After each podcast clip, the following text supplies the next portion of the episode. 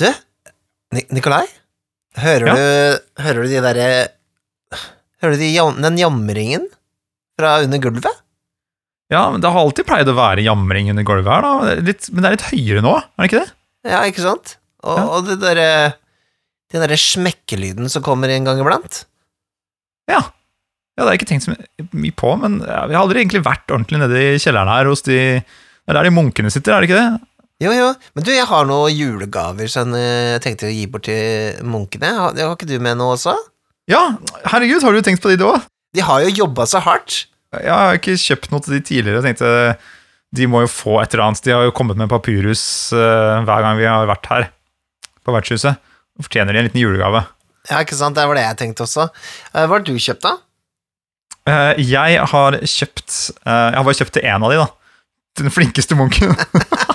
Og det er en sånn premium uh, munkekutte. Det, ser, det, er, sånn, det er pave light, for å si det sånn. Ja, ok, så fint. Ja, egentlig det er oppgradering til biskop, rett og slett. Mm.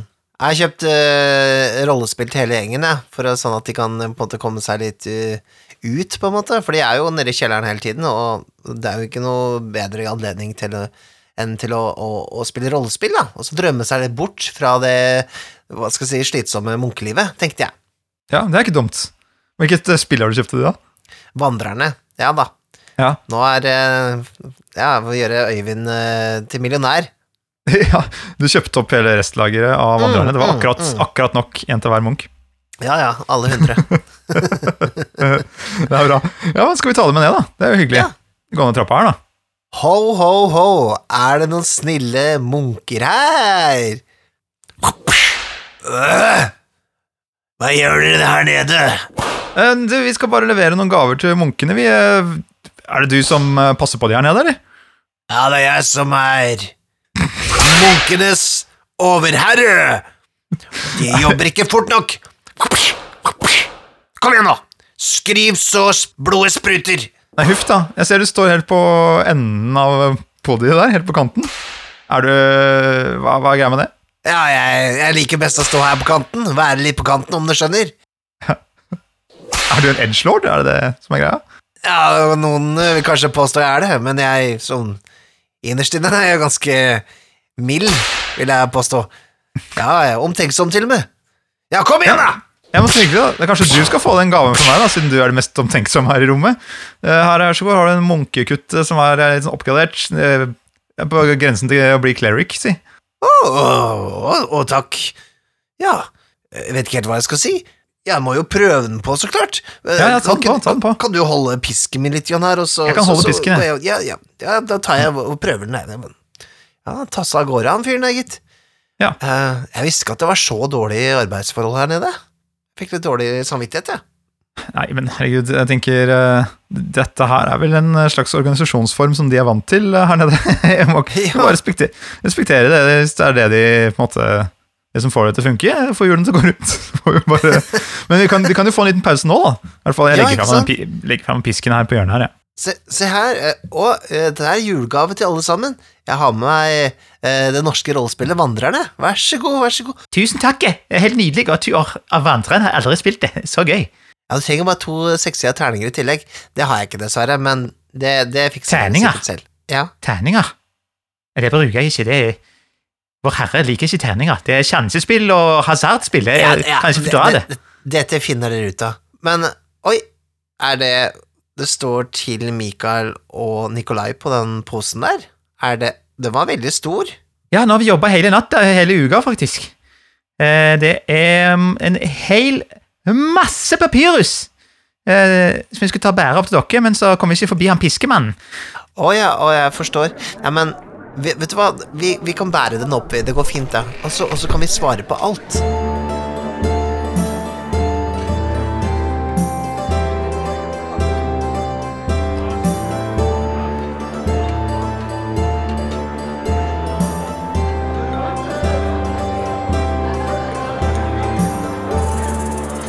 Hei og velkommen til Vertshuset, Vertshuset, Vertshuset! Vertshuset! Eh, vi, ikke, vi kan ikke ha sånn rip-off av eh, Radioresepsjonen, egentlig. Det heter jo ikke det lenger, det heter Papaya. Sier de 'vertshuset, vertshuset, vertshuset' i begynnelsen av episoden sin? Nei, det var fordi de sier den derre postkasse, postkasse Ah, og sånn, ja. sånne ting. Ja, ja, ja. det var ikke noen eh, postkasse her i gården. Nei. Eh, så, eh, men det blir jo på en måte en postkasse i dag, da, for eh, nå har vi tenkt å ha en såkalt Q&A-session, eller som vi kaller det Papyrus, Papyrus spesial! Ja da! Med regnbue over. eh, Hvor vi skal svare på spørsmål fra Faceback, Discard, Patron Det var ingen som, ingen som stilte noen spørsmål på Patron, faktisk. Nei, Ingen som ville gå omveien. Nei, ikke sant. Med greier. Ja, det er iallfall Patrion og Facebook, og det var de to, var det ikke? Ja. Også hvis du har noen spørsmål du, Mikael, så er det bare å fyre løs. Ja, jeg holder det. Ja. Uh, kult. Vi tar og Se hva som er oppi den papirhuspåsen her, da. Skal vi bare bla fram en med en gang, eller? Begynne å bare også stappe hånda nedi og se om vi finner noe moro. Oi, her har vi jo en som var kjapt ute. Skal vi se her. Her står det jo Det er veldig sirlig og snirklete og pent skrevet. Det er fra Alexander Eriksen. Mhm. Eh, hva er deres tanker om pay to play? Altså det vil si å betale noen for å være DM, eller å ta betalt for å være spilleder, da. Ja. Jeg, yes, det er helt gull. Kjør på. Hvis noen kan tjene penger på å spillede, så tenker jeg det er helt fantastisk. Man får jo øvd seg mer som spilleder, og måte, hvis man kan leve i den kreative hobbyen som er å spille rollespill, så er det helt gull. Det eneste jeg ville passa på, tror jeg, var liksom bare å virkelig tenke på seg selv eh, også. At um, man ikke blir helt utbrent, på en måte. Ja, ja, ja. Ja. Ja, jeg, jeg ser ikke det store problemet. Jeg vet at mange har blitt litt sånn derre Litt sånn mugne på det. At, uh, at de syns det går imot liksom et slags sånn prinsipp i rollespillet. At liksom øh, At de ikke skal betale for dette, da. Jeg tenker også at øh, det er på en måte også noe som øh, justerer seg litt sjøl, da. En, en pay to play-rolles... Altså DM, da, vil jo være Man vil sette visse krav til en DM som, som eh, man betaler penger for, da. Ja. Om at eh, liksom DM-en er forberedt, at det er eh, viss kvalitet over eh, det du får, og så videre. Og så er det jo sånn, jeg mener, eh, noen, eh, sånn som Thomas Mørkeri, er jo en pay to play-DM. Eh, Men med han så får du jo eh, en, eh, hva skal jeg si, en helt annen opplevelse enn du vanligvis ville fått, da. Det er jo folk som kommer eh, fra det og sier de har fått eh, noe av de sterkeste rollespillopplevelsene noensinne. Så tenker jeg, ja, ok, hvis ikke det er verdt penger, så vet jeg ikke hva som er verdt penger, på en måte. Det er jo eh, det at man liksom skal være imot det sånn prinsipielt, det, den ser jeg egentlig ikke. Folk Nei. betaler jo for å dra på teater, liksom, så er det noe. Ja, eller også andre an- ting som er på en måte interaktivt. Da, for her er jo på en måte greia at ja, som spilleder så Ja, kommer du jo og så er man jo karakterer i historien. Men du kom, har jo gjort en jobb og kommer med et rammeverk og ja, setter en, ja, kanskje en tidsplan og litt sånt nå, så mm. jeg syns det kan være sikkert en fin øvelse også som spilleder. Og, Egentlig så syns, jeg det er litt for lite av det. Ja, For det er liksom, egentlig sånn sett så hadde det vært fint om flere gjorde det, sånn at vi, flere visste at det var et alternativ, da. Mm. For det er jo litt begrensa med spilledere, og jeg ser jo hele tiden folk som ønsker å spille, men at det er eh, vanskelig å få tak i eh, spilledere. Mm. Tenker jeg at eh, hvis flere hadde avertert for at de, de kan gjøre en sånn tjeneste, da, så ville jo det bare vært eh, nyttig for alle. Ja. Men eh, hvor, mye hvor mye hadde du betalt da for en uh, spilledersession? Eller altså for et for en kveld, for, at, for, for uh, noens tid en hel kveld Mm. er et godt spørsmål. Hva hadde jeg betalt for det, da? Kanskje øh, øh, Kanskje jeg hadde betalt mellom 500 og 1000 et sted, da? For en kveld? Ja, det, det måtte blitt sånn Thomas Mørkeri-opplegg, tenker jeg. For min del, da. Mm. Hvis jeg ikke hadde hatt en spilleder, og jeg ikke ville gjøre det selv, og så syns jeg det hadde vært rimelig med kanskje en 200 kroner, da. Sånn 250 person, 250 liksom. kanskje, maks. Sånn eh, Ikke sant, for det var jo gruppe på fem, da, så det, det var ikke så gæren timeslønn for den spillederen sånn sett. Det tenker jeg kunne vært greit nok for min del, da. Ja, jeg vet ikke, det er, sånn, det er jo forberedelser, og man er jo investert, og mm, man spiller jo gjerne mer enn mer enn et par timer òg. Kanskje man spiller tre-fire timer, ikke sant? Ja, Og på kvelden, liksom, så sånn sett så syns jeg jo Det kommer an på hvor ofte man skal gjøre det, da. ja, ikke sant. Men eh, sånn her og der, liksom, så tenker jeg at eh, det, det kan liksom en, en spilleder liksom få sitter igjen med 5000, da, for eksempel. 4000-5000 Mm. etter en sånn kveld. Det syns jeg er helt rimelig, i hvert fall. For, for det hadde jeg tenkt, da. Ja, ikke sant? Nei, men det er bare mer hva som er eh, økonomisk eh, på en måte eh, forsvarbart for, for spillerne også. Ja. Um, jeg tror ikke jeg kunne gjort det, liksom. Jeg kunne ikke brukt mange tusenlapper bare for å få spilt i måneden, kjenner jeg, sånn personlig. Nei, ikke sant, det er noe med det. Men man må sammenligne det med at man hadde brukt det på en kveld ute og spist og drukket og vært på kino, liksom. Ja, det er det òg, da. Mm. For hva koster det, ikke sant? Ja. Det er vel kanskje spillederen i meg som ikke klarer helt å se Men jeg, jeg har ikke noe imot det, det er det jeg mener, da. Jeg skulle ønske at det var flere som, eh, som gjorde det. Det fins jo flere foregangspersoner som har gjort dette her, og for eksempel eh, Ad Adventures League er jo eh, en betalt jobb til, til spillederne. De får jo et lite sånn De får jo gavekort for å, for å gjøre dette her, og så koster det Mhm. Koster den 50 kroner å delta. Uh, og det er jo Det er jo pay to play, det òg, men det er jo det er jo en liten belønning da, for å, å gidde å stille opp, ikke sant? jeg tror hovedgreia med at jeg liker det, er vel det at eh, det gir enda en, en måte, portal inn i den hobbyen, da. Som jeg unner mange folk å ha, for jeg syns det er en kul hobby. Og hvis det liksom er sånn, ah, du finner ikke noen av dine venner som passer å spille med, og du kanskje syns det er kleint å spørre noen randoms her, kan du være med i gruppa di? Hvis man syns det, så, så er det sånn der, ok, men jeg kan jo betale noen. Da, de- da får de jo i hvert fall noe ut av det uansett. Så er ikke jeg i veien for, for dem, holdt jeg på må ikke de bli venn med meg, nødvendigvis. Kan jeg bare få opplevelsen. Så er det et annet aspekt der òg, det er jo at um, når du har en sånn uh, tidkrevende hobby som rollespill er, så er det jo litt sånn av og til vanskelig å i mangel av et norsk ord, justify it, på en måte, i forhold til andre uh, ting du øh, Her kommer engelske ord rasende. Obligations. Hjelp meg da, Nikolai. Kom med Altså, norske ord, da. Altså, Du har masse forpliktelser. Du skal pusse opp, du skal bygge kjøkken, som mange skal på Discord-kanalen her. Du har, ja. Det kommer folk på besøk. Det er ikke sant? Det er ting skjer hele tiden. Og så skal du drive og dra og spille rollespill fem timer en kveld. Eh, Ja. Fy fader! Eller lage rollespillpodkast. Ja, ikke sant? Eh, Men så får du kanskje en liten biinntekt av det, da. Så får du gjort eh, noe du syns er gøy, men du har også en med god samvittighet så kan du si at Nei, men altså, jeg får jo litt penger for det, så Og sånn som, helt sånn som er birøkterreform, mener du? Ja. Ja, Ja, som, for som biinntekt. Eh. ja, ja. Nei, nå er det nok, nok preik om drit i det. Jeg ruller, jeg ruller dette papyrusen litt lenger. Det står mer her.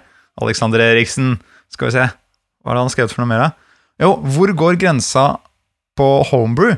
Hvor mye kan være homebrew og fortsatt kunne kalle det for samme system? Hva er homebrew, liksom? Mm. Uh, jeg syns det uttrykket har blitt litt vanna ut. Fordi Akkurat som hjemmebrygg sånn. ofte er, si. Ja, ja.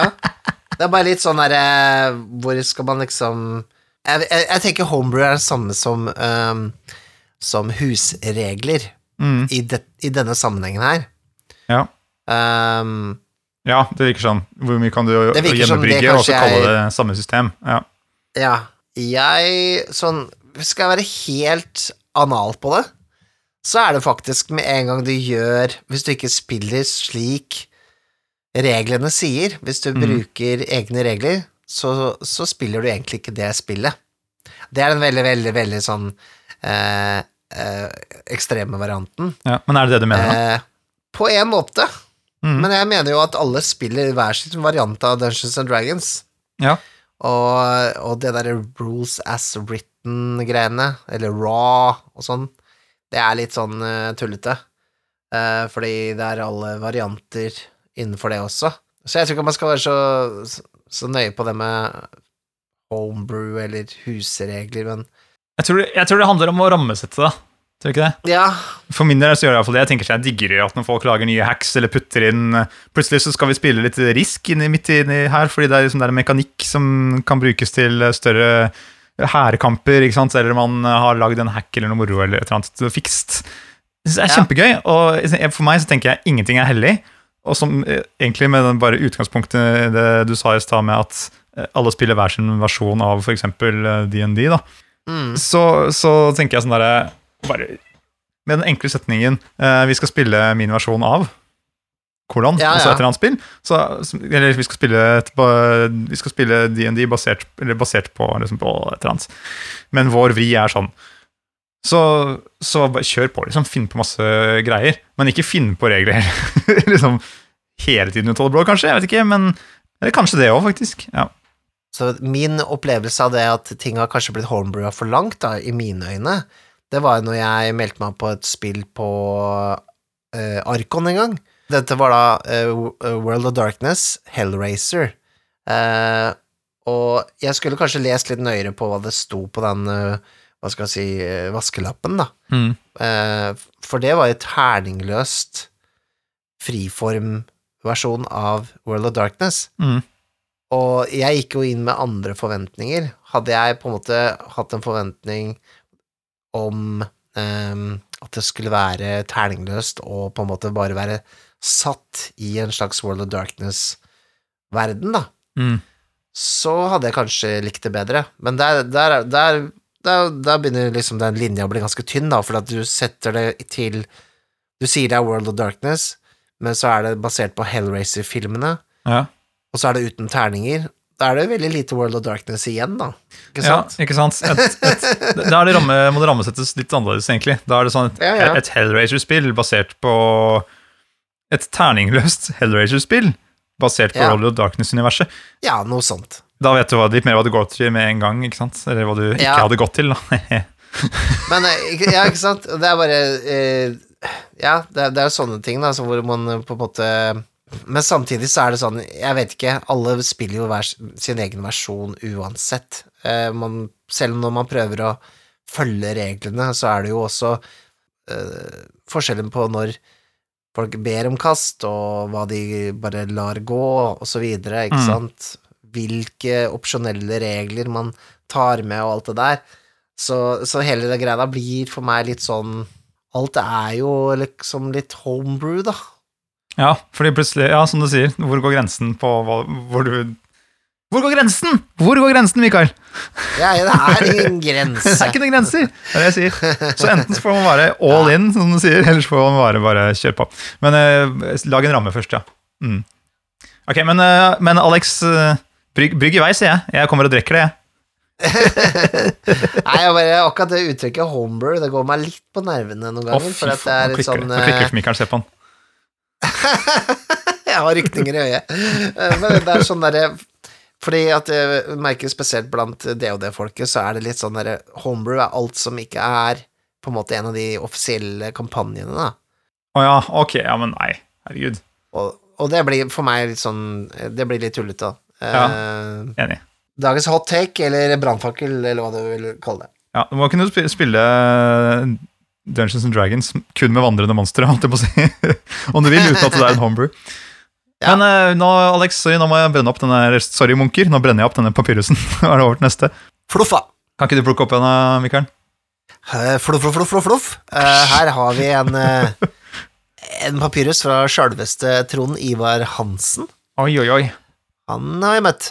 Rollespill som tilskueraktivitet, YouTube etc. Er det noe som har kommet for å bli, og som bare kommer til å bli enda mer profesjonelt presentert og spilt i fremtiden, eller har det egentlig begrenset appell? Spørsmålstegn. Ja, nå, altså Dette spørsmålet kommer jo da til noen som har sittet og spilt rollespill på Tilt, og, og som har en rollespillpodkast hvor man eh, spiller rollespill. Så, så jeg tenker jo Det har kommet for å bli, selvfølgelig! Altså, Det er jo bare enda en uh, måte å bli underholdt på. Det er, det er litt uh, Det er lengre. Du får en lengre historie. Det er mer sånn der du kan dypdykke i alt mulig rart av um, uh, sidemateriale, holdt jeg på å si, om disse rollene, ikke sant? Um, så, så med en gang det fins liksom en litt annerledes måte å konsumere noe på, så, så dukker det opp innhold som også kan passe inn i den slotten. Da. Eh, jeg vet jo at eh, de som har lagd måte, hele spillinger og lagt ut og sånt for lenge siden, har tenkt sånn ah, shit, er det, er det for lenge, liksom? Eller er det for langt? Ja, ja, vi prøver.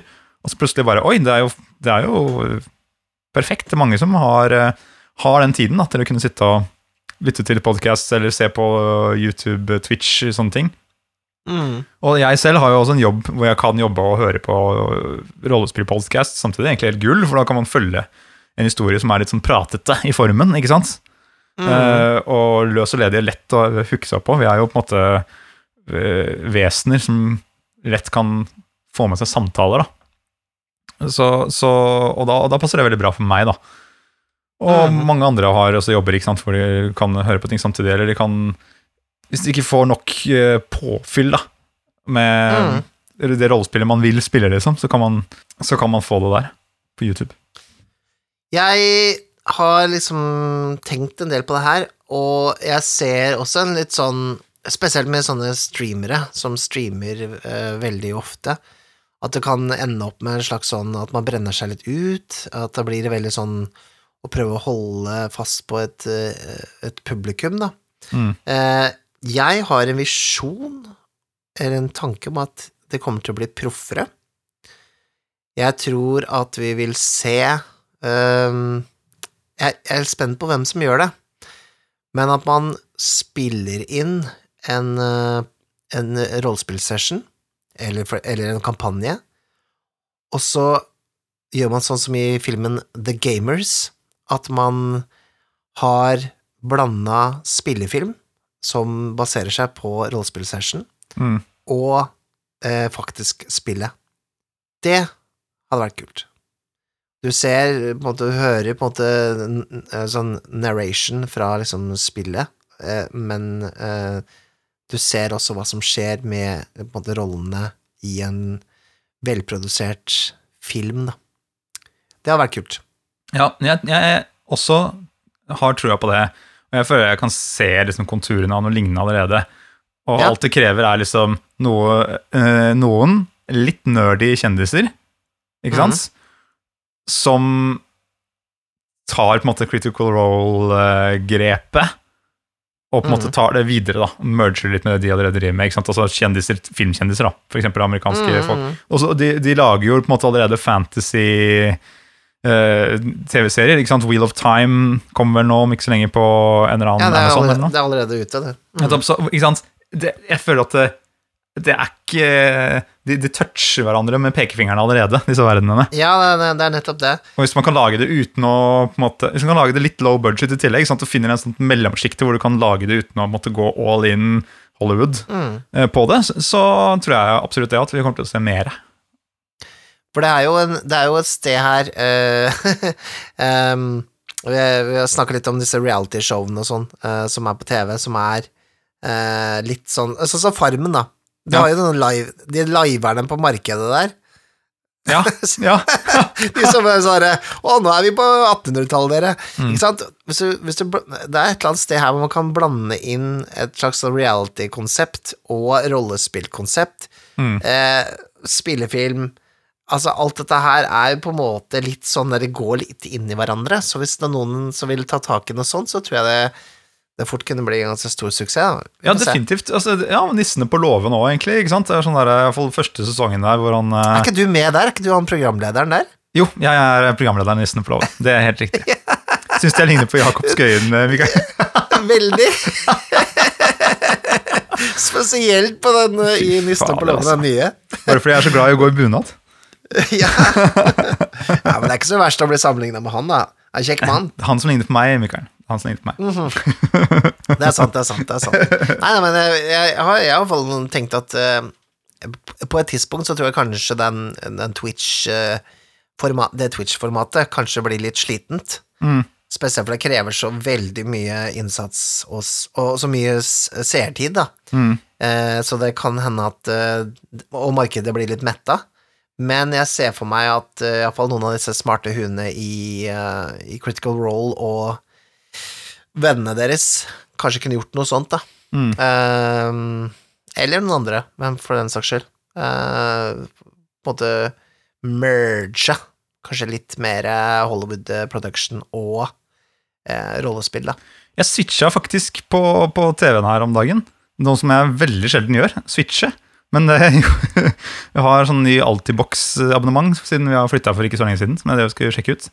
Og så Ja. driver jeg switcher, og så plutselig så er det fasan meg fire skjermer hvor sitter og spiller rollespill på en eller annen jævla kanal. Hæ? Jo. Hvilken kanal er dette? Jeg er ikke enig jeg har hørt om før. Er det Lokal-TV, liksom? Det skal sies eh, Nei, nei, det skal sies at en av de andre kanalene viste også noe, eh, noen som drev og spilte type Call of Duty eller noe sånt. Da. Så jeg var liksom litt nedi, nedi her. Ikke sant? Men, Kanskje bare var, kanskje var sånn Twitch-TV-kanal, eller noe sånt? Hvem ja, det var en eller annen ordentlig. Men det, liksom, ja, det, bare plutselig så jeg det på TV, da. Ikke sant? Så da er det jo noe. Ja, det er rart. Det er Ja. stilig. Men uansett, Ja. Tony Ivar var fint eh, skrevet denne her av munkene, men nå går den i peisen. Ja, Ok, da får du eh, ta og trekke et eh, papirhus eh, ut av sekken, da. ok, jeg får ta litt langt Er det Oh, ett oi! Shit, her kjenner jeg. Det her er noe som er skrevet med en veldig mektig penn, tror jeg. Det var en Ja. tung en. Oi, oi, oi, oi. Veldig lordly skrift her. Fantastisk. Det her er det er Simen L. Stangeland som har skrevet den her. Eller Stimen SL. Slangevann, eller hva du kalte han? ja, som han kalles når han er hjemme. Nei, hvilke, han har skrevet Hvilket rollespill kommer dere aldri til å spille, og hvorfor ikke? Åh. Der har jeg mange Jeg har egentlig flere. Jeg har fått eh, preferanser, vet du. Det er det som er. Uh, men jeg tror jeg Jeg kommer nok aldri til å med, Altså, hvis noen ber meg, da, hvis noen sier 'bli med og spill Pathfinder', da, så, så, så vil jeg nok være litt sånn Nei, helst ikke. Men, men hvis de ber veldig innstendig, så kan hende jeg blir med, da. Mm. Men jeg har, ikke, jeg har ikke sånn Det er kanskje et spill jeg ikke har lyst til å spille. Mm. Men det er fordi jeg er ikke så veldig glad i den type Altså, jeg syns det, For meg så virker det for eh, Det virker for komplekst, da. Eh, Det er bare en preferanse, rett og slett. Men etter jeg i hvert fall aldri vil spille, så er det jo det spillet som heter Fatal. Hva er greia med Fatal? Det er eh, Det sies Det er nok helt sikkert verdens verste rollespill.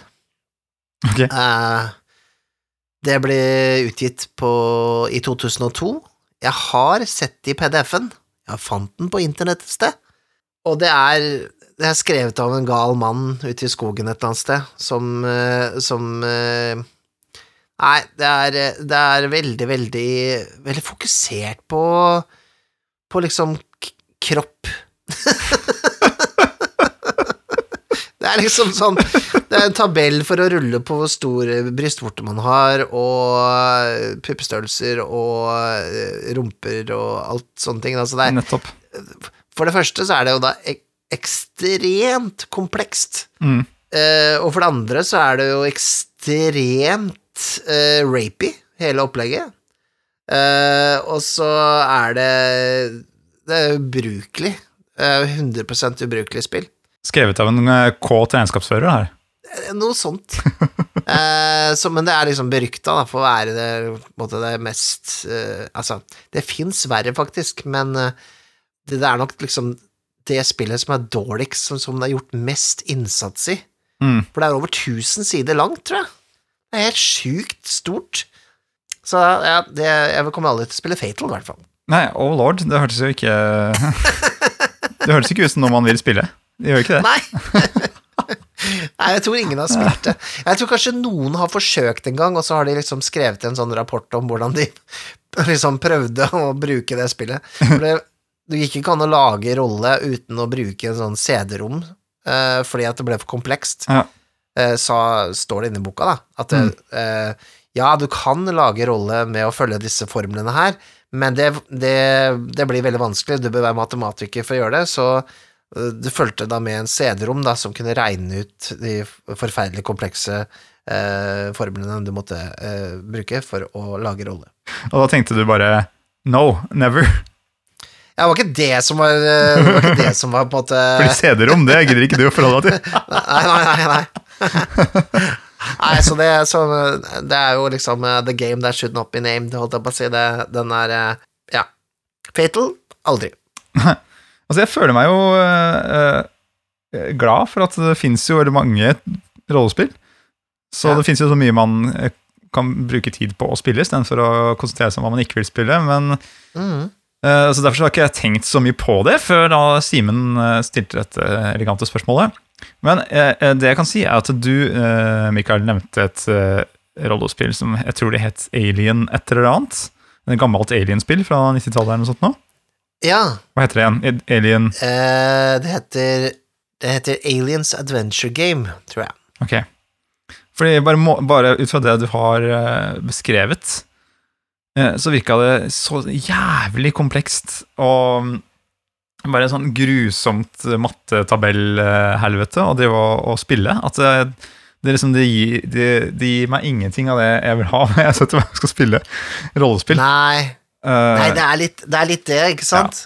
Verden har gått litt videre når det gjelder uh, en del sånne uh, systemer, da, Mm.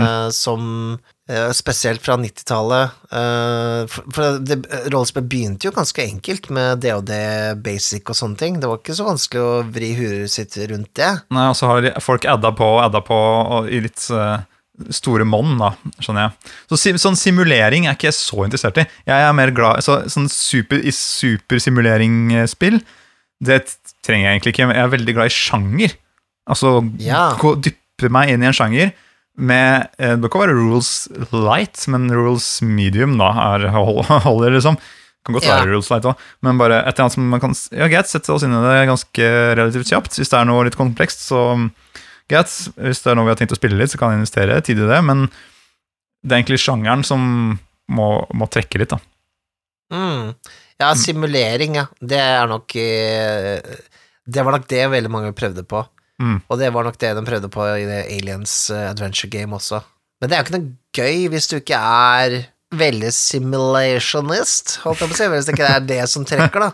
Du Ja. vil spille et spill for å simulere en annen form for eh, fortid eller fremtid eller et eller annet sånt ting med mest mulig eh, hva skal jeg si, troverdighet, da. Ja, men jeg vil, jeg vil simulere en opplevelse, ikke det tekniske finurligheten. Fordi det er ikke eh, Hvis man er i en setting, i en militær setting, da, for eksempel hvis man skal simulere å være en soldat, på en måte, Mm. eh, og det å sitte og regne ut forskjellene på de kaliberne på gunnerne og hvilken type tank som har turret som snur seg i hvilket tempo liksom det, kan, Man kan være interessert i det på liksom et sånt intellektuelt nivå, det er helt uh, fair. og Det eh, kan jo til og med også kunne vært selv, måte, men når jeg skal spille og være soldat på bakken, da må det liksom skje uh, saker og ting som holder meg da i eh, settingen, ikke alt det der andre mikkmakket. Mm. Men det er jo litt morsomt, for det er jo I forrige episode så snakka, jeg litt om det som heter free krigsspill, ikke sant? Mm. Eh, Husker du det? Ja. Uh, og, og det var jo nettopp det som skjedde. Det, uh, krigsspillene ble for komplekse uh, når det gjelder systemet, så istedenfor så fant de bare ut en person som hadde faktisk erfaring nok til å kunne si at ok, det har du så så stor sjanse for, fordi jeg har faktisk vært med i krigen og sett at ok, det er en viss sjanse, den, så stor sjanse er det hvis dere gjør dette i denne situasjonen. Og sånn sett gjorde rules light, da. Mm. Så det er jo det som har skjedd. Altså, vi gikk jo fra rules light til rules oh my god, overcomplexy shit, liksom, Mm. til nå gå tilbake til eh, lettere systemer, mer eh, med rollespill i fokus enn simulering, da. Eh, og det ser du liksom over hele smæla, nesten. Noen spill, så klart, som er mer eh, komplekse enn andre, men de gjør det jo sjelden så bra, har jeg lagt merke til. Ja, det er det. Men eh, ok, det var, eh, det var bra spørsmål, Simen. Men eh, nå går eh, papyrusen i peisen. ja, swoosh! Men så er det en eh, Oi, den her er, ta, Plukk opp den som er grønn oppi der, Mikaelen. Mikael. Den grønne papyrusen der. Er det en bit av en kappe det er skrevet på, eller? Det er ikke papyrus, det her. Nei, det er en kappe, ja. Skrevet på. kappe. Eh, skrevet med, med sølvblekk, ser det ut som, Ja. av noe slag. Ja, det er jo sjølveste Øyvind Stengrunne, forfatteren av Vandrerne, som jeg har gitt 100 eksemplarer av til eh, munkene nå. De koser seg med den. ja. Um, Oi, han jo jeg så hører de spiller draller der nede, alle sammen. ja.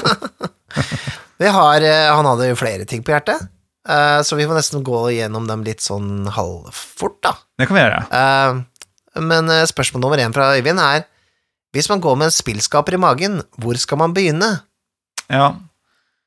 Det er jo sikkert veldig mange Det er, det er vel en naturlig tanke når man spiller rollespill, at man får lyst til å kanskje lage også, for mange. Det er jo hvis Mhm. man har en liten sånn kreatør i magen. Um, jeg tenker jo at hvis jeg skulle Hvis man vil skape et spill, så bare prøv å liksom bare tenke Vi har jo til og med en episode om det her med Øyvind, faktisk. På Vertshuset. Du kan sjekke ut. Men, men jeg ville skisset ut verdenen litt, sånn der i punkter. Sånn der, ok, hva handler denne verdenen om?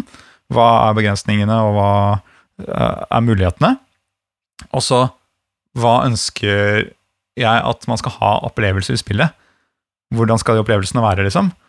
Og hva kan jeg bare, ikke sant, bare få med de punktene, og hva kan jeg gjøre for å gi den typen opplevelser i spillet? Hva er det som Mm. kan gi spenning, for eksempel, eller hva er det som kan få en til å føle visse ting? Og hva ønsker man så at man skal gjøre i det spillet? Mm. Du tenker rett og slett på hvor- hvor man skal begynne med når man gjelder å, gjelder å skape spillet? Ja. Det er jo uh, mm. Sånn jeg tolker det, i hvert fall.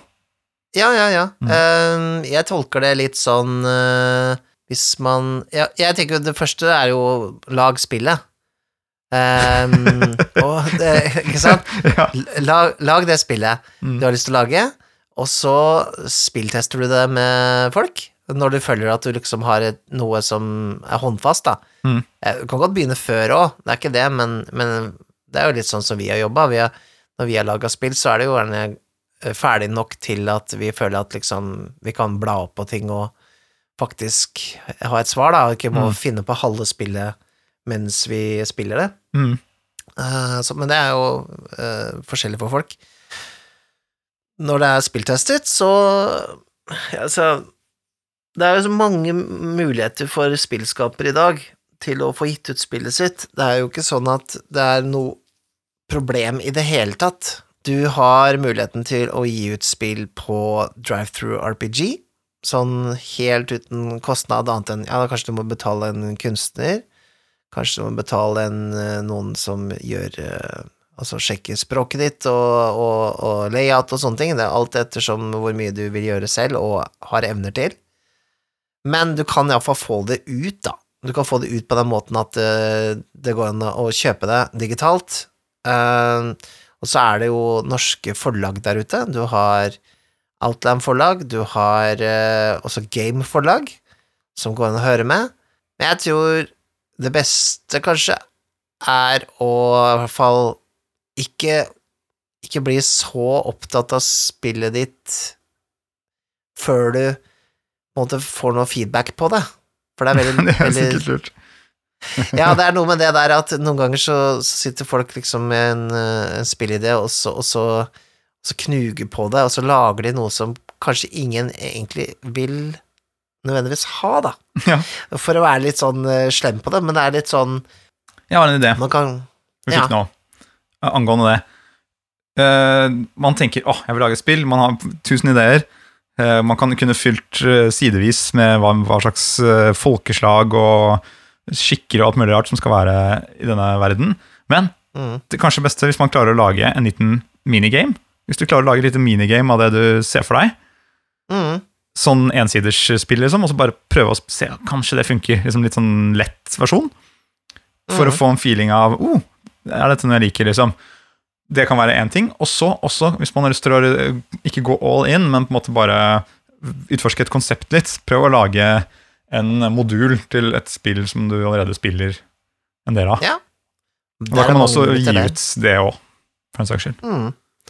Du har jo denne, hva heter det, DMs Guild, som du kan bruke til å gi ut egne um, DOD-moduler på, eller Det må være noe på internett, dette her.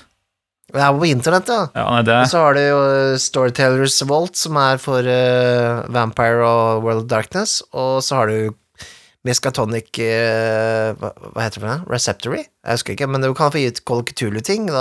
Nesten alle, altså Veldig mange av disse store spillene har jo en slags sånn community-løsning som gjør at du kan uh, få gitt ut spill uh, hvor du gjerne deler da inntekten av eh, 50-50 med, med de som eier uh, propertyen, da. Mm. Så det er mange muligheter der ute for å gjøre seg eh, småfet på rollespill, hvis man eh, vil, eh, vil det. Alle rollespillmillionærene sitter der. Ja. Ok, men han har, han har flere ting her. Skal vi hoppe til neste, eller? Ja, vi må nesten til neste. Ja. Hva er egentlig et indiespill? Hva mener du er et indiespill, Mikael? For du vet ikke selv. Jeg, jeg vet! Alt som ikke er DND, Pathfinder eller eh, Vampire-fabrikken, og som er på mindre enn eh, 50 sider, det er eh, et indiespill for meg. Ja, ikke sant. Eh, det er litt sånn som indiemusikk, for, for indiemusikk eh, var jo også et, Det var der begrepet kanskje kommer fra. Eh, hvor det begynte som en sånn independent label-musikk. Hvor du Det beskriver på en måte hvordan musikken blir gitt ut, men etter hvert så har de beskrevet en, en form for vib eller type musikk også. Mm. Så indiespill for meg er en, noe som er mindre eh, Hva skal jeg si eh, kommersielt, da. Indiespill spill smaker gjerne litt av litt uh, mer sånn um, uh, Hva skal jeg si mer, mer utfordrende regler. Det har gjerne et annet fokus. Det, det, det er jo ikke å stikke under stol at indiespill ofte er inspirert av denne The Forge, som var et forum. Eh, Dere kan høre om litt om det med den episoden vi snakka med eh, Kåre Berg. Eh, så Sånn det blir litt sånn tullete å snakke om indiespill nå, for at de aller fleste spill er jo på en måte indiespill. Eh, Ja. skal, Ja, men det, de det er derfor vi må, det ta det et hakk ned. Sånn, indiespill tenker, Jeg ser for meg at du kjøper deg litt av blekket med fem indiespill i, om du skjønner. Det er, eh, Ja, ja, ja. Sånn, sånn tenker jeg på det. Det er liksom noen sider det, De vil gi deg en liten opplevelse. Kanskje det er, liksom er nesten litt som one-shot i, men det kan også liksom være Ja. eh, Kan da være lagd for eh, kampanjer og sånt, men det er litt smått, da. Eh, Ja, eller mindre, mindre skala på det, på en måte. Ja. Eh, det kan man godt si. Altså, det er vel et kjennetegn for det som vi ofte eh, tenker på når det gjelder indiespill, da. Men, eh, men, men strengt tatt så er jo det fleste som ikke er eid av et stor, eh, stor sånn leketøysgigant, da. Eh, et indie-selskap eller indiespill, da, på sånn per definisjon, egentlig. Um, men ja, det Eksempel på indiespill er Blades in the Dark. Det føles veldig indie, selv om det er solgt masse. Så er det jo fortsatt veldig sånn inspirert av tankegangen fra uh, The Forge. Og ja, Fiasko er jo et indiespill. Man kan også si at uh, Itras by smaker veldig av indie også. Mm. Veldig sånn det veldig, Har ikke den store kommersielle appellen. Mer, satser mer på å finne en nisje. Men uh, ja. Der, Der, var, der var definisjonen der. Ja. Sånn- Jeg, jeg aksepterer definisjonen. La oss skrive den ned, gi den til munkene. De skriver litt videre, finpusser litt, ordner litt, så kan de komme med et skriv eh, ferdig som legges ut på rollespill.info til slutt. Så kaster vi den i peisen. Så de hopper Han hadde tre, to spørsmål til, men eh, det gikk i peisen. Nei, nei, de, de, de, de blir med, de òg. Jeg trodde det var delt Oi, de kommer opp i flammer ut fra peisen her. Ah! Hva er vertshusvertenes topp tre rollespill? Og hvorfor? Oh. Skal vi begynne på, begynne på nummer tre, da? Altså, eh, det her blir vanskelig, for har ikke, vi har jo ikke planlagt dette her. Um, men hva er ditt nummer tre, Nikolai? Uh, mitt nummer tre akkurat nå, det er Å, fuck meg i fjæra, altså. Er det Det er en sånn norsk filmgreie, det. Fuck meg i fjæra. Det burde vært en norsk film av Tommy Wirkola. Det er, sånn å, det er så mange jeg har lyst til å nevne, men det er, jeg må jo nesten gå på det jeg har viet mest tid, da. Tror ikke det, Ja. det får nesten bli det som er definisjonen. Um, Ikke sant? Fordi jeg tror sånn jeg, um, Nei, helvete heller, Mikael. Hvorfor er det så vanskelig å si topp tre, da? Jeg bare sier noe, jeg. Gjør det? Jeg, jeg, jeg sier uh, tredjeplass går til Dungeons and Dragons uh, 5th edition. Oi. Mm. Mm. Ja. Yes. Hvorfor det? Hvorfor det? Jeg har spilt veldig mye. Det, er, det sitter litt sånn i fingrene, på et vis. Det er jo på en måte grunnpilaren. Vi refererer til den veldig mye. Uh, Mm. Så, og det, liksom, det er en sånn derre Ja, det er en slags grunntektonisk plate av rollespill i det, på en måte.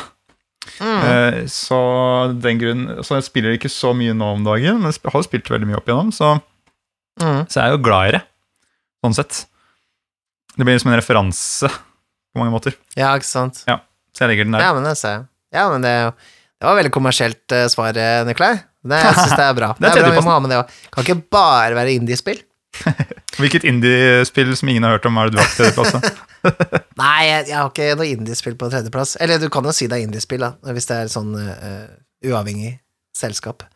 Eh, nei, akkurat nå så vil jeg si det er eh, Kult Divinity Lost. Oi, oi, oi. Jeg setter den på en tredjeplass. Jeg er litt fortsatt litt uenig med meg sjøl, eller om jeg elsker det, eller om jeg har, uh, er litt sånn repulsed by it. Uh, jeg er ikke sikker på hva jeg syns. Jeg har hatt det ganske gøy da vi har spilt det. Det er veldig gøy å dykke inn i. Eh, det eneste er at jeg er litt usikker på om jeg elsker eh, systemet. Om jeg syns egentlig at den eh, Powered by the Apocalypse er en super match for eh, kult, kultverdenen, da. Mm. Eller ikke. Men det har vært veldig greit å spillede det, og jeg liker jo spill som er greie å spillede, Ja, nettopp. siden jeg er spilleder hele tiden. Ja. Slippe å kaste de jævla terningene hele tida. um, så jeg setter kult i vinden til oss der, jeg. Jeg, er jo, jeg liker jo skrekk, så det er jo, det er jo gjerne det Det blir ofte skrekk.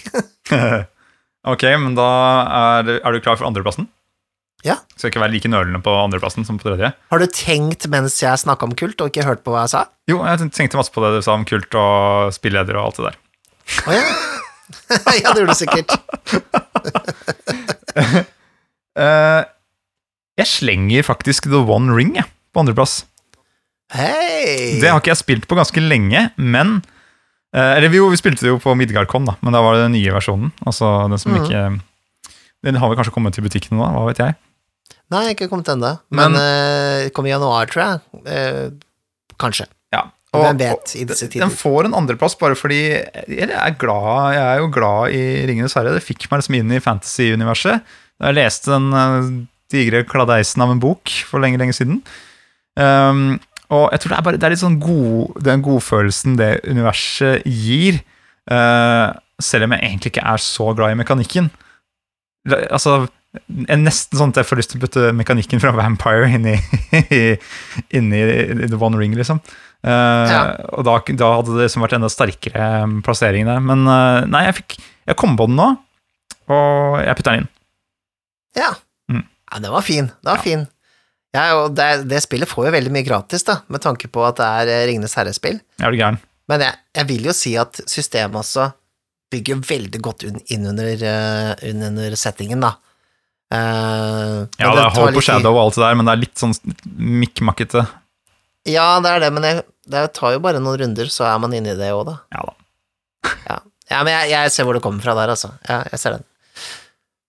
Min nummer to Oi, det, den har jeg ikke Jeg skulle ikke hørt på hva du sa.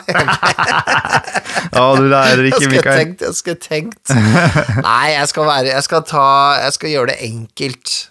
Um, jeg føler jeg liksom blir litt, litt sånn eh, Nei, vet du hva? Jeg, jeg syns eh, Mørk Borg er gøy, jeg. Det er jo det. Mørk, mørk, siden ikke du har sagt det ennå, så sier jeg Mørkborg. Fordi, fordi det er ikke et annet spill som har vært mer sånn um, lettvint å komme inn i, og jeg kan lese i det uten å spille det også, og, og kose meg. Uh, fikk nettopp en sånn uh, kickstarter-pakke eh, med den zinen som heter Heretic, som jeg satt her og leste og humra for meg sjøl når jeg leste hva som sto på tabellene, ikke sant? Ja. uh, de, de presenterer en mer tilgjengelig uh, versjon av Dungeons and Dragons-opplevelsen, Mm. uh, syns jeg, da. Eh, og så satt de i en sånn metal-verden som det der, som er sånn eh, delvis satire, da. Eh, ja, det er, det er jo satire, egentlig. For det er jo ikke noe spill som man ler mer av enn, enn når man spiller Møkborg. Altså, det er jo Det blir jo så dumt, ikke sant? At, eh, det er så mørkt at det blir dumt. Mm. Og det, det er liksom det som er det kule med det. For det minner meg nesten litt om, eh, om eh, rollespillet Tunes. Okay. Eh, som var liksom et sånn introduksjonsspill eh, hvor man spiller tegneseriefigurer. Okay. At den derre Det er sånn spill som er sånn Som jeg kunne liksom spille med hvem som helst, da. For det tok eh, to minutter å, å både lage roller og sette i gang med. Kjempeenkelt, og lett å forestille seg tegneseriefigurer og sånne ting. For meg så er det nesten den nye formen for tunes, da. Ja, nettopp. Den tusen har vokst, vokst opp. ja, har blitt eh, veldig, veldig brutal. Ja. Men eh, ja, jeg sitter i Ikke Borg der. Jeg syns det er et feiende flott eh, spill. Ja, den er veldig fin. Eh, selv så Den eneste grunnen til at jeg ikke tar med Mørkeborg på min liste, selv når jeg nå skal komme til nummer én, det er at ehm, jeg satte det premisset med Eller satte liksom eh, begrensningen der med tid brukt. Og jeg har brukt mye tid med å kose meg med selve boka, men jeg har ikke fått spilt det så veldig mye. Så jeg har fått spilt de andre spillene mer, så da liksom bare la jeg det til grunn som for lista her, da. Men Mm, mm. min nummer én eh, på lista, det er Mørketid. Hey! Er det det? Ja, det er det. Nå, nå om dagen så er det det. Det er også Det er brukt, brukt mye tid i den uh, verdenen. Det er, jo, det er jo det vikingrollespillet som du har skrevet, Mikael. Yep. Og jeg syns det var lett å plukke opp og sette seg inn i, både som spiller og spilleder. Det er player facing, sånn at man, spillerne gjør mye av jobben, så du får eh, tid til å tenke på ting samt, sant, mens de driver og ordner og styrer med terninger og sånt. Eh, og, og det handler liksom om favoritt det, Der treffer du favorittsjangeren igjen, da, ikke sant? Uh, Mm, eh, vikingtid møter fantasy, liksom, eller norrøne guder og sånt. mm. Gudeverdenen. Uh, det syns jeg er, liksom, er kult å lefle med. At det Ja, dukker ja. opp Og folketro, ikke sant, som blir fletta inn, og at det dukker opp jotner og skarver og Og drauger er- og nøkken og? Alt, alt det greiene der. That's Mm. good shit for me, liksom. Så, så den havner på nummer én. Du må bare få skrevet den ferdig og gitt den ut, Mikael, så jeg kan kjøpe den. Ja, ja, ja. Det er så gøy, da. Ja, det, jeg vet ikke om reglene tillater uh, uutgitte spill, men, uh, men uh, jeg I'll allow it. Det ble spilt på Midgardcon, så da tenker jeg det var greit. Ja, det er sant, det. det, er sant, det. Min førsteplass er vel ingen overraskelse. Det er jo fortsatt eh, Vampire the Masquerade, uh, fifth edition.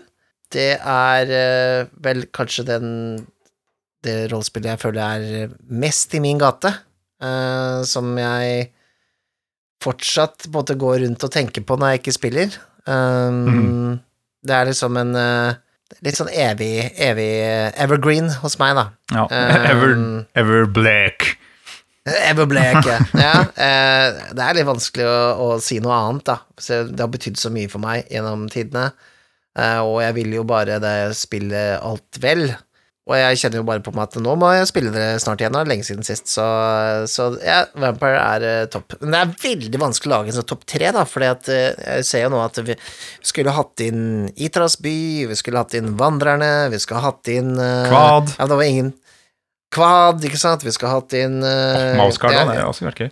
Ja, nei, men det er mye, det her er Call mye. Kolketulu. Ja. Herregud, det er gøy. Herregud, Mm. ikke sant? Altså, jeg syns Cthulhu er kjempebra, men akkurat nå så er det litt Jeg er litt sånn Jeg er litt ute av Kolketulu for øyeblikket. Men eh, Det ble et øyeblikksbilde, det her. En topp ja, det tre-liste øyeblikksbilde. Akkurat nå, ja. Ja. Mm, mm. Og så nå, nå har vi brukt mye tid på, på Øyvind Stengrunds-spørsmål, men jeg tar med en liten en på, på slutten her. Jeg hopper over Ja, en ja, her, men jeg tar den her ene. Hvordan ville, det er jo jul snart. Eh, hvordan ville julenissens rolleskjema sett ut? Eh, og der har jeg liksom et bilde hvor jeg har sett mye sånne der, Uh, invitasjoner til type ting som har med jul å gjøre, rundt omkring i nabolaget. Folk som henger opp sånne pamphlets, sånne mm. plakater uh, rundt omkring. Uh, og det er litt den estetikken der jeg ser for meg på julenissens rolleskjema. Jeg ser for meg litt sånn word art-board eh, Ah, ja. med sånn kristtorn på siden. og så en eller annen sånn teit font. Uh, noe sånn Comic Sans med rødt øverst, hvor det står 'God jul'. Ja, ja, ja. ja. ja. Kan jeg svare på den aller siste, det aller siste spørsmålet? Ja, klart det. Uh, for det er Øyvind Stegune spør da Finnes det rollespill eller moduler som passer til spilling med jul som tema?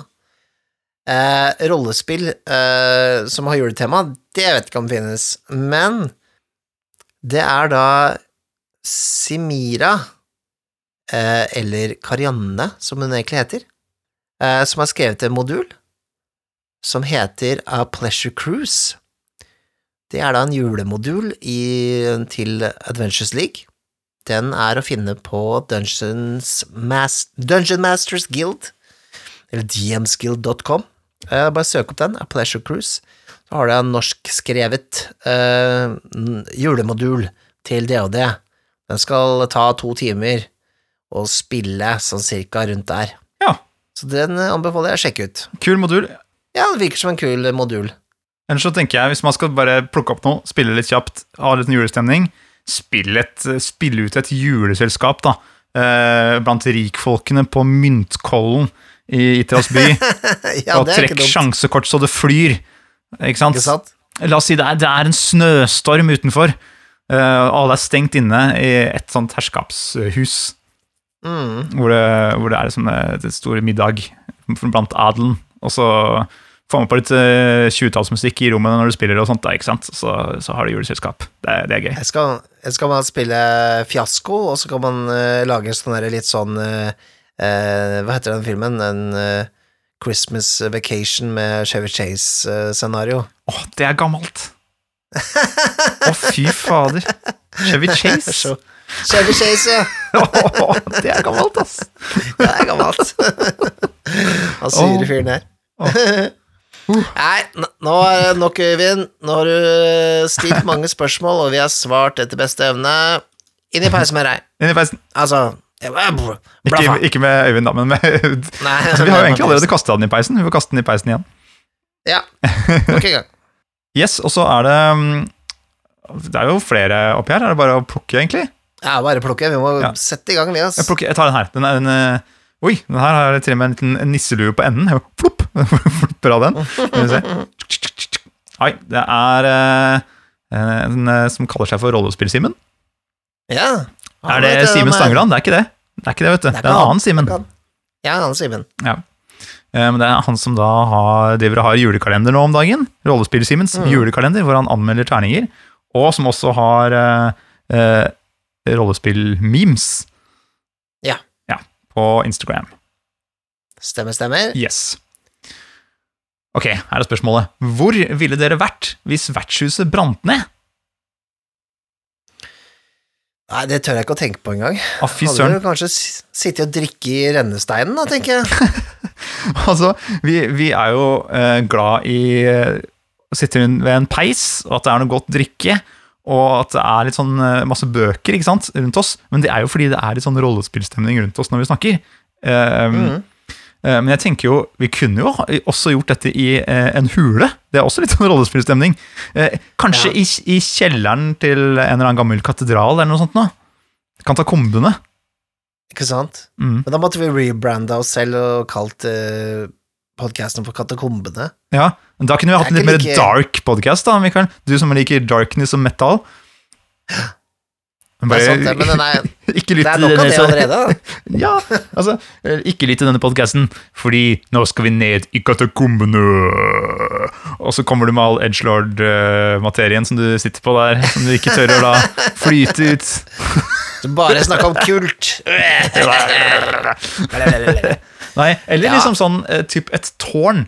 Eh, vi hadde fått bygd oss et tårn, tenker jeg, av resten av Mm. vertshuset. Eh, det er jo en stor grunnmur her. Vi bare skyver alt eh, det sammen. Bygger i høyden. Og så kanskje vi Det eneste vi gjør, er å invitere sånne eh, skikkelig garva rollespillere som kan masse om gammel kunnskap om spill, ikke sant, og har langt skjegg og Ja. eh, spisse hatter. Altså Grognard-podkast. Bare sånne folk som uh, hater alt som er nytt. ja, kanskje. Vi har flere etasjer. Vi har liksom eh, en i øverste etasje, så er det sånn der, eh, en sånn study som vi har bygd. Eh, toppen av Trollmannstårnet, liksom. Og der snakker vi med alle de som har spilt i Mhm. 100 år. Og så har vi en midt, stor midtetasje med bare sånne folk som liker fighting og skal drepe folk og sparke ned døra. Og så i underste etasje så har vi alle som bare liker indiespill og bo, bo, bo, ikke sant? sitter og smoker weed og koser seg der nede.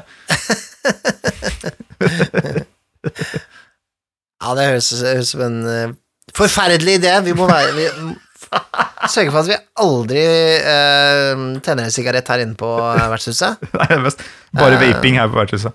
Bare vaping, ja. Men, men det andre spørsmålet som rollespill-Simen har, Mm. det er Bortsett fra på et vertshus, hva er den beste starten på en kampanje eller en spilling dere har vært med på? Ja, altså, vi, vi begynner jo alle våre kampanjer på vertshuset. det gjør vi. Ja, så det er jo sånn det er. Nei, um, ja, hva er det, da? Begynner jo Jeg husker jo aldri hvordan de begynner. Jeg, var jo veldig fornøyd med min start på den 5th edition-kampanjen, hvor eh, dere skulle bli helter ved å drikke fra en sånn brønn. Mm. Dere valgte ut til å være en slags sånn um, heltekandidater.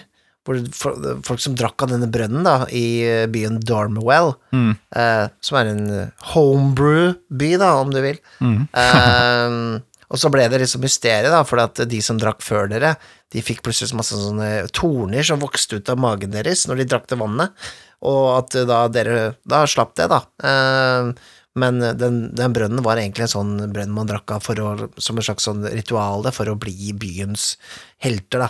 Og så ble dere satt i gang derfra. Og jeg tror det begynte litt sånn, jeg tror ikke vi begynte på noe vertshus.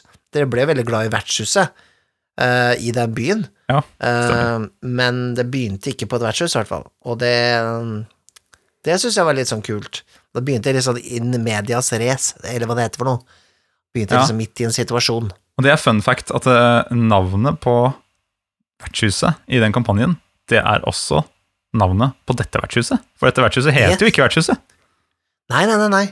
Det heter jo eh, vertshuset Steinkruset. Eh, men det har vi aldri sagt på podkasten, Jeg tror vi har nevnt det så vidt innimellom, men dette vertshuset Ja. vi sitter på nå, heter jo Steinkruset. Og det heter det fordi det står et gigantisk eh, steinkrus bak bardisken her. Eh, hvor eh, de som jobber her, og bartender og sånt, de, hvis det er noen slumper igjen i glasset eller koppene til folk, så slenger de slumpene oppi der. Mm. Eh, og den som klarer å drikke opp alt som er oppi steinkruset når det er fullt, den får lov til å drikke gratis et helt år her på Mm. steinkruset. Det klarte jeg nesten en gang, men uh, kasta opp etter at jeg tømte halve det kruset. Ja, det ble ikke noe gratis. Men jeg bygger meg opp, da. Jeg bygger meg opp. En dag skal jeg klare det. Ja, altså For min del så tror jeg det er Jeg får ta to, da. En som jeg har, eh, hvor jeg har vært spilleder, en hvor jeg har vært spiller. Mm. Og jeg jeg har tenkt på det at det, jeg har egentlig hatt veldig mange spillinger hvor vi starter ganske rolig. Eller sånn der, Hvem er vi og karakteren, og, og så ja, tar det litt chill i begynnelsen, da. Uh, men det var, det var en gang vi skulle spille Vampire i Victoria, Victorian Era Vampire. Ja. Eh, Da var det Simen Stangeland som var spilleder. Og da hadde han satt opp en uh, begynnelse hvor vi vel var blitt fanget da, av en sånn vampyrherre. ja. Så det starta i et fangehull. Og jeg ble egentlig bare uh, tuktet av han uh, tjeneren til denne vampyrherren. Helt sånn der, til at man ble forbanna omtrent, fordi man klarte jo ikke å komme seg ut av dette rommet. ikke sant? Starta vi ikke med at vi, vi, vi var i kister, da, så, og så Var ikke det hele starten? Jeg tror, jeg tror kanskje eh, vi hadde hver vår. Og så klippet, Ja, okay. klippet han mellom de, tror jeg. Ja, ja, Ja, ja. det var kanskje, jeg tror jeg var stengt inne på et rom i en kiste, og så må man først bryte seg ut av kisten, og så komme seg ut av rommet på et eller annet vis. da. Så ble det en liten sånn Mm, der spill før spillet, ikke sant? For å gjøre seg verdig til å kunne i det hele tatt snakke med han der herren. da. Det var sånn der, eh, det var sånn der, Man ble litt investert i den settingen med han der lorden, da. Mm, mm. Eh, Den beste som jeg har starta selv, tror jeg kanskje er eh, Jeg starta med at rollene Det var spilltest av Dragepust, det det spillet som jeg ikke er ferdig med å skrive på. Men eh, Mm. hvor jeg satte rollene midt på et torg i en av byene i denne settingen. Og så det første som skjer, er at de blir angrepet, eller til, det kommer noen folk som ser litt sånn gale ut i fjeset. Det ser ut som de er litt forstyrret på et eller annet vis, og angriper de. Eller dere, da. Du var jo med, du òg. Og så, mm. man, så er det liksom ok, hvordan man reagerer man på dette. Hvis det reagerer med vold, så blir man arrestert, da, så får man ikke sant, oppdrag. Ja, hvis ikke man ble arrestert, så skulle det skje noe annet. Men nå reagerte de jo med vold. Ja, så men, klart. eh, så klart. Fordi det men det er jo på en måte uskyldige folk som har blitt, uh, fått noe over seg da, ved at de har røyka noe rare greier. Mm. Eh, men da husker jeg at det var en av de som skulle skyte en pil mot han som angrep, og bomma så jævlig. Så han traff en eller annen sånn gammel dame som skulle bare ut og kjøpe epler den dagen. og knerta henne med ett skudd. Brutalt. Var veldig brutalt. Måtte rett i fengsel. Ja, den var kul, den husker jeg. Jeg er Enig i det. Ja, det er gøy å starte litt sånn eh, Ja, altså, jeg kan like å starte veldig rolig, og så syns jeg det er eh, Jeg likte veldig godt måten de startet eh, den første kampanjen på i, i rollespillpodden, når Mm. de hadde den eh, Hva var det de spilte av? Delta Green, hvor de på en måte alle fikk en konvolutt, da. Mm. Eh, og, så, og så gikk det liksom Det var, var liksom Hva gjør du nå? Eller du står på laben, ikke sant, og så, og så, så fikk man liksom innblikk i hvert sitt måte, liv Mm. før man eh, eh, satte i gang en, da. Eh, det syns jeg er en kul måte. Eh, og så likte jeg jo ganske godt den starten på As a Terrorist òg, hvor dere kommer gående liksom på liksom eh, gjennom flyplass Gjennom flyplassen, da, og så liksom beskrev dere selv på en måte i gange. Ja, ja, ja. Det er veldig filmatisk. Det, det likte jeg også. Ja, sant det. Ja, ja, jeg liker. Sånne, sånne grep som det er kule. Ja. Men da har vi lest alle de som sto på den pergamentrullen der. Slenge de i eh, peisen. Ja. Men eh, lytt på Rollespill-Simen sin eh, julekalender. Eh, det er jo fortsatt litt tid igjen der. Eh, Ja. Veldig, fin, eh, veldig fin, fine videoer på YouTube hvor han eh, eh, anmelder terninger. Og hør på Delta Green eh, fra Rollespillpodden òg. Jeg hørte nylig Ja. på den der, de- Rollespillpodden har en sånn derre Gjøvik-ekspressen. Den likte jeg godt. Ja, Ja, Mordet på Gjøvikekspressen. Det var, eh, det var funny. ja, den har ikke jeg hørt på, men, uh, men det er vel hun ene som uh, gamer istedenfor, er det ikke det? Ja, stemmer. Hei, det er Mikael her. Um, denne episoden ble veldig lang, så da tenkte vi rett og slett at vi delte den opp i to, vi. Uh, det var så mange spørsmål, og vi ville egentlig ikke rase gjennom dem for fort, så vi deler den her opp i to. Da kommer uh, neste del om et par dager. Vi ses da.